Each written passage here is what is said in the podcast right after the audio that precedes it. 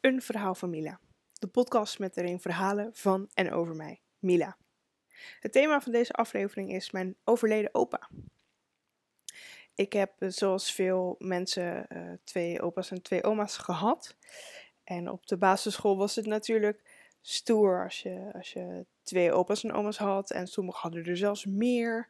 Um, en sommige daarvan waren ze allemaal overleden. En, en nu steeds meer om me heen, hoe ouder, hoe ouder ik word, hoe meer opa's en oma's uh, komen te overlijden. En dat is een logische, logische stap in het leven. Uh, opa's en oma's worden oud. En nou ja, dan is de dood uh, dichterbij. Ik, ik ken zelf mijn opa's en oma's niet allemaal even goed. En op het moment uh, zijn mijn opa en oma van mijn moeders kant dood en mijn opa van mijn vader, vaders kant dood. En heb ik alleen nog mijn oma die levend is. En dat is ook maar weer de vraag hoe lang die levend is. En nu ik dit vertel, is het gek om, om te bedenken, straks, straks heb je maar geen opa's en oma's meer. Die, die, die, zijn, die zijn leven uitgegroeid of zo. Of wauw, als, als, misschien is het ook wel een soort van iets spiritueels. Dat, dat, dat als je geen opa's en oma's meer hebt, dat. Nou ja, niet dat je leven volmaakt is, maar dat die opa's en oma's doorhebben van oké, we kunnen nu doodgaan. Want, want het kind, ons kleinkind, is in goede handen. Onze kleinkinderen, daar gaat het goed mee. Daar hoeven we, niet, daar hoeven we ons geen zorg meer over te maken. Dat, nu kunnen we de aarde verlaten. Hmm, interessante gedachte van mezelf. maar goed, ik, uh, ik ken dus eigenlijk uh, mijn opa en oma niet om even goed. En die van mijn moeders kant ken ik eigenlijk helemaal niet. Dat is uh, nou ja, een, een trauma aan die kant van de familie. En mijn, mijn, mijn moeder die is daar ook nooit soort van actief in geweest. Van, hé hey, uh, kinderen, kom, ik, ik laat jullie mijn oma uh, zien en horen. En, en misschien kunnen jullie er een band mee opbouwen. Dus die hebben we eigenlijk nooit gezien of gesproken um, dat we dat nog weten. En die is ooit overleden. En, en ik merkte heel erg, ja, ik heb daar niks mee. Omdat ik ze ook niet ken. En de verhalen die ik over de hoorde waren niet heel positief. En toch denk ik misschien, ja, zijn, we niet te hard voor haar geweest. Aan de andere kant hebben we een opa en oma um, van mijn vaders kant, waar we vaak waren. Het waren fijne, fijne mensen. Ze hadden een mooi huis. Als een, um, er was genoeg te beleven als kind. Een grote tuin, een jeu de boelbaan, dat je denkt, waarom? Um, ze wonen in een leuk dorp. Kortom, het was altijd een plezier om bij ze te logeren. En dat deden we ook wel geregeld. Vaak in de zomervakantie. En dan mocht een vriendinnetje meenemen of een vriendje meenemen. En, en die, die logeerpartijtjes waren echt leuk bij mijn opa en oma. En ik weet nog heel goed dat, ja, oma's, oma's die horen ook soort van streng te, nou niet streng te zijn, maar die horen de, de regels te handhaven. Van op tijd naar bed, uh, dit mag wel, dit mag niet. En opa's, het lijkt altijd als je iets met opa doet, dat, dat alles kan en mag. Er, er is niks te gek. Maar, de, maar opa's hebben ook een soort van iets, soort van een magie in zich. Dat, dat, dat een rondje op de fiets zo totaal anders, magisch is. Dan als je dat met je oma doet of met je ouders. En dat herinner ik nog wel van, van mijn opa. Dat een bijzondere man. En een fijne man. En, en... Maar daar blijft het bij. Ik, ik weet gewoon niet meer, als ik terugdenk aan vroeger, ik kan me niet meer bedenken hoe die was. Of wat we deden, wat ik nou zo fijn vond. Of ik, ik, heb, geen, ik heb eigenlijk geen, geen goede, heldere herinnering meer van hem. Op twee na. Maar daar kom ik straks, uh, straks uh, op, want die zijn heel bijzonder het, was een bijzondere man in het dorp en iedereen kende hem. En opeens was hij er niet meer. Hij, hij was ziek, uh, kreeg een hersenbloeding, dat ging niet goed. En ehm, toen lag hij opeens in een verzorgingstehuis, eigenlijk aan het einde van zijn leven. Ehm, ja, op een plek waar, waar, waar, waar je niet je, je laatste, laatste maanden, dagen of, of uren wil doorbrengen. Want ik snap het wel. Veel mensen, zoals ik kan bedenken, dan, dan lig je daar dood te gaan. En, en dan komt de gedachte in je op: ja, dit, dit is het laatste beeld wat, wat de mensen die me kennen in zich, op zich nemen. En, en me blijkbaar zo blijven herinneren. Ja, dat lijkt me eng. En ook dat je denkt, dat willen we niet. Dat, nee. Dus op een gegeven moment, uh, nou ja, dan moesten wij als kinderen uh, ook langs om, ja, het, het had zomaar de laatste keer kunnen zijn dat je opa levend zag. Dus, dus we kwamen daar, ik natuurlijk vol angst, want ja, je wil je, wil je opa niet niet in zo'n situatie zien. Zo, zo kwetsbaar, niet meer de man die het was. En um, eigenlijk word ik er nog steeds emotioneel van als ik er aan terugdenk. Aan, aan hoe, hoe die daar lag. Totaal, nou niet wanhopig, maar gewoon niet op de plek waar die hoorde. Dat je denkt, ja, eigenlijk had, had, hadden we hem niet. Eigenlijk had hij gewoon op ter plekke dood moeten gaan. En dan was het prima geweest. Maar blijkbaar. Blijkbaar had mijn opa nog. nog iets te doen of zo op deze aarde. Dat het zo is gegaan. En, en nu komen we eigenlijk bij, bij het bijzondere. Uh, het bijzondere wat er gebeurde. En dat is dat. Um, nou, hij was dus, uh, mijn opa was voor de helft verlamd. Uh, hij kon niet meer uh, spreken. Um, horen kon nog wel. ja, hij kon gewoon heel veel dingen niet. Zo, ja. En, en eigenlijk het praten was, was de grootste waar. Ja, super naar is dat als je, als je dood ligt te gaan en je kan niks meer zeggen. Dat was in ieder geval wat ze zeiden. En um, nou, ik, ik, ik weet nog wel, ik, ik, ik moest alleen maar huilen de tijd dat ik bij hem was. Hij lag daar in bed en, en deed,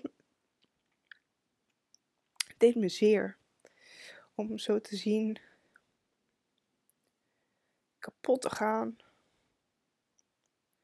en, en niks te kunnen. Toen was een kastplantje daar liggend en, en je zag dat er leven binnen was, maar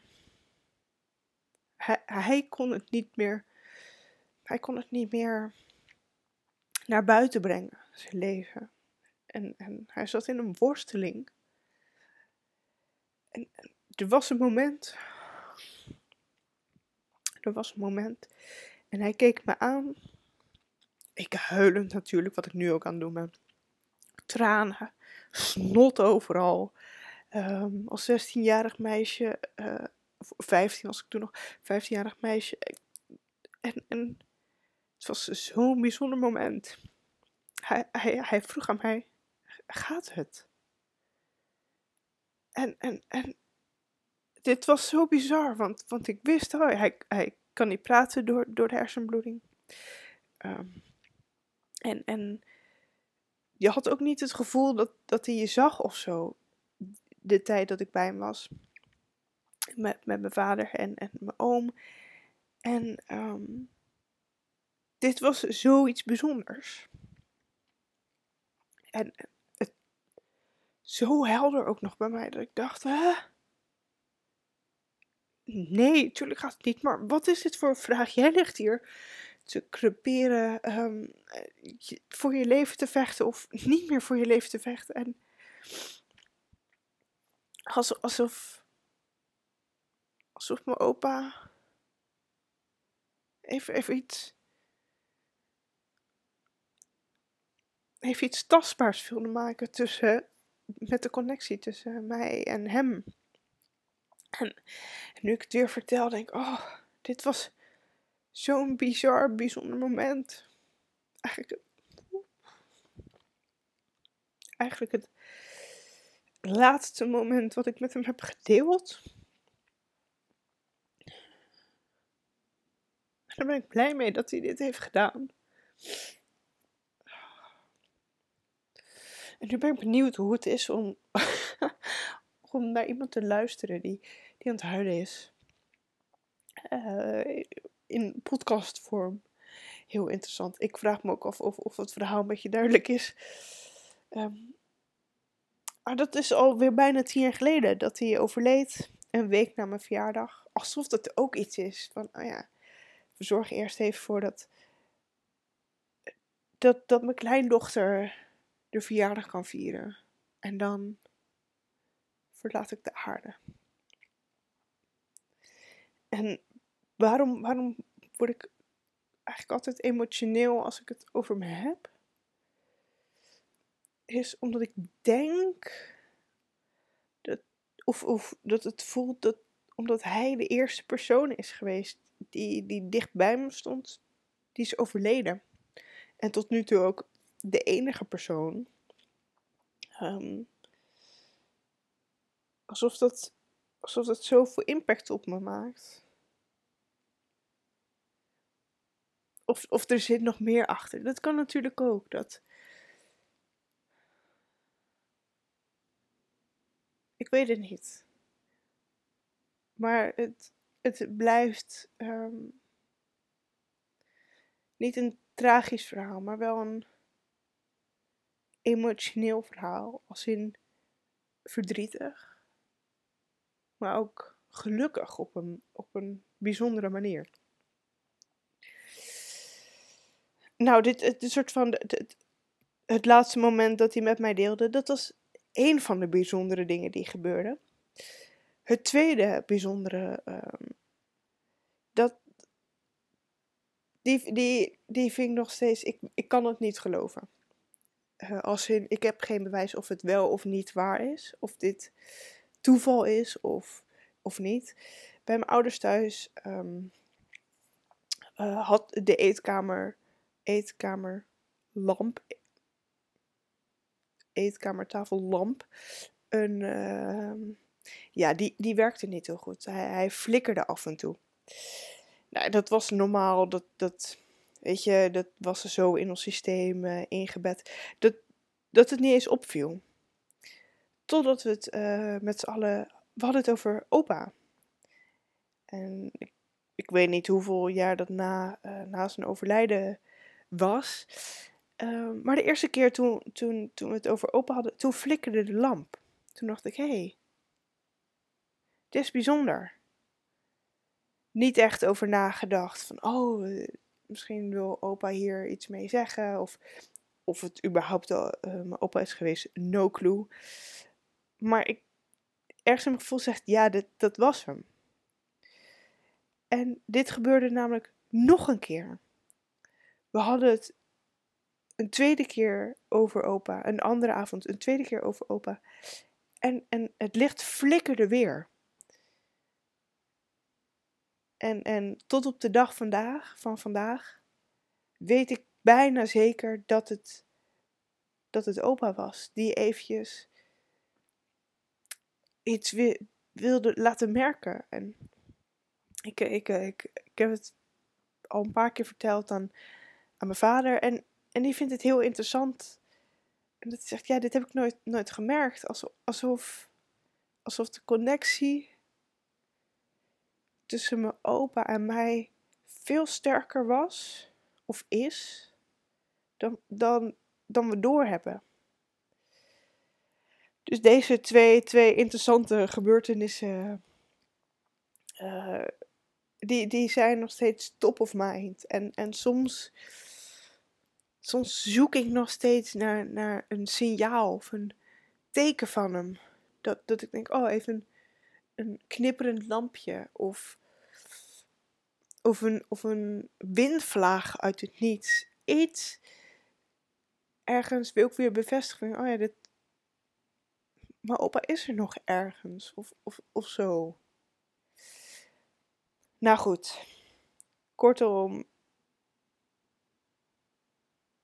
een leuke opa waar ik nog steeds vaak aan denk. Twee jaar geleden um, heb ik een leuk experiment gedaan en dat was, um, ik ging een hypnose doen. Ik ging onder hypnose bij een, een fijne vrouw en daar, de hypnose ging over het doel van mijn leven. Ik begon ergens en, en onderweg zou ik mensen tegenkomen die iets, iets tegen mij wilden zeggen. En ik denk dat de tweede, de tweede persoon die ik tegenkwam in deze hypnose, zeker aan te raden hypnose, echt, echt vet. Je, je onderbewuste kan eindelijk vrijuit spreken zonder het denken en je ego, die, je, die eigenlijk een beetje de overhand heeft in het dagelijks leven.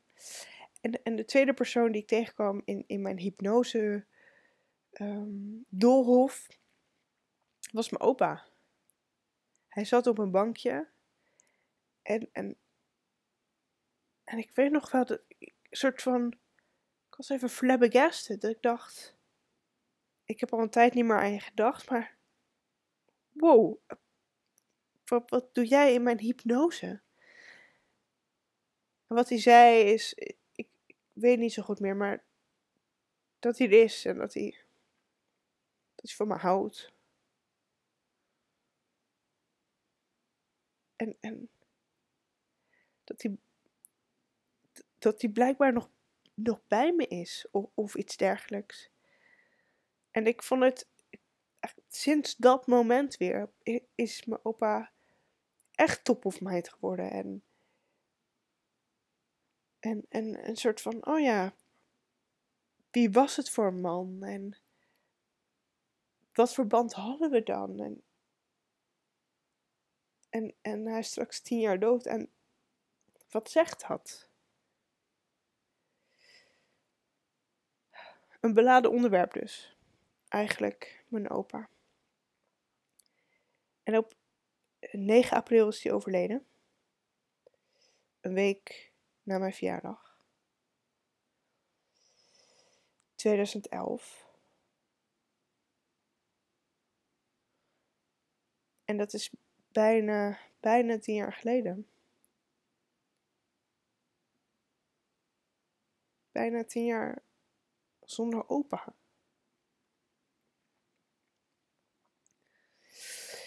Ja.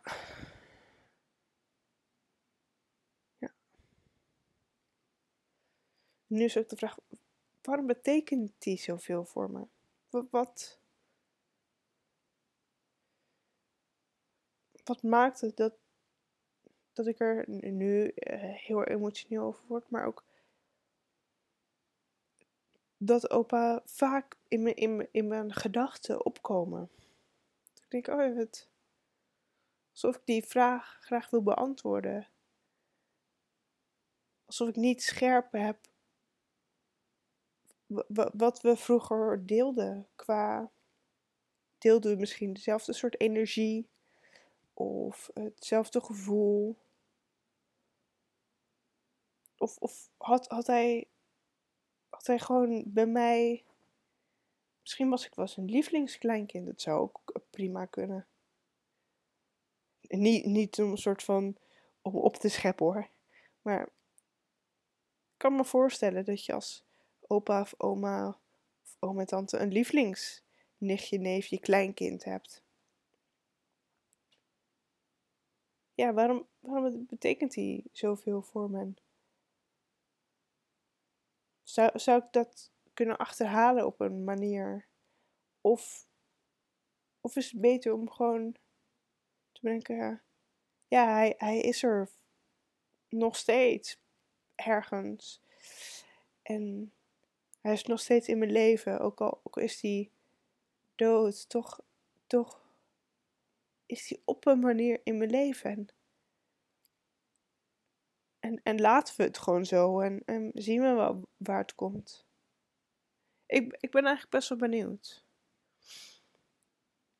Ja. Ja. Terwijl als ik nu denk, nou ja, als, als mijn oma zou overlijden. Klinkt heel hard en kort door de bocht misschien en totaal niet humanitair. Dat ik denk, ja, dan is ze dood. En het enige wat in me opkomt is. Ja, dan, dan heb ik geen opa's en oma's meer. Het is niet dat ik denk, oh, dan, dan ga ik mijn oma heel erg missen of zo. Mijn oma is echt een, een fijne oma. Maar toch is die klik er veel minder dan, dan dat ik met opa had. Dus opa, ook, ook, al, ook ben je er niet meer in, in fysieke vorm, misschien wel een geestelijke vorm, misschien heb, heb je je reis alweer verder voortgezet. Ehm, maar ik denk dat ik nog steeds van je hou. Ik, denk, ik weet dat ik nog steeds van je hou. En, en, ik, en ik je mis. Ja. En, en met deze emotionele, zielige toon wil ik hem afsluiten. En misschien ook eventjes een, een goede reminder aan wat natuurlijk eigenlijk iedereen zegt. Doe wat extra moeite voor de mensen die je lief hebt. Want het kan zomaar de laatste keer zijn. Of voor je het weet, zijn ze er niet meer. Of je weet niet. Het kan binnen twee jaar zijn dat je normaal je opa of oma misschien één keer per twee maanden ziet. Ja, dan. En, en dan heb je misschien nog tien keer en daarna zijn ze dood. Dan zijn ze er niet meer. Dus bij deze, wees lief voor de mensen die je lief hebt. En ook al heb je er geen zin in, ook al is het vermoeiend of heb je, ja, doe gewoon even extra moeite. Dat vinden zij fijn. En dat waarderen ze enorm. Echt. Kortom, wees lief voor je liefhebber.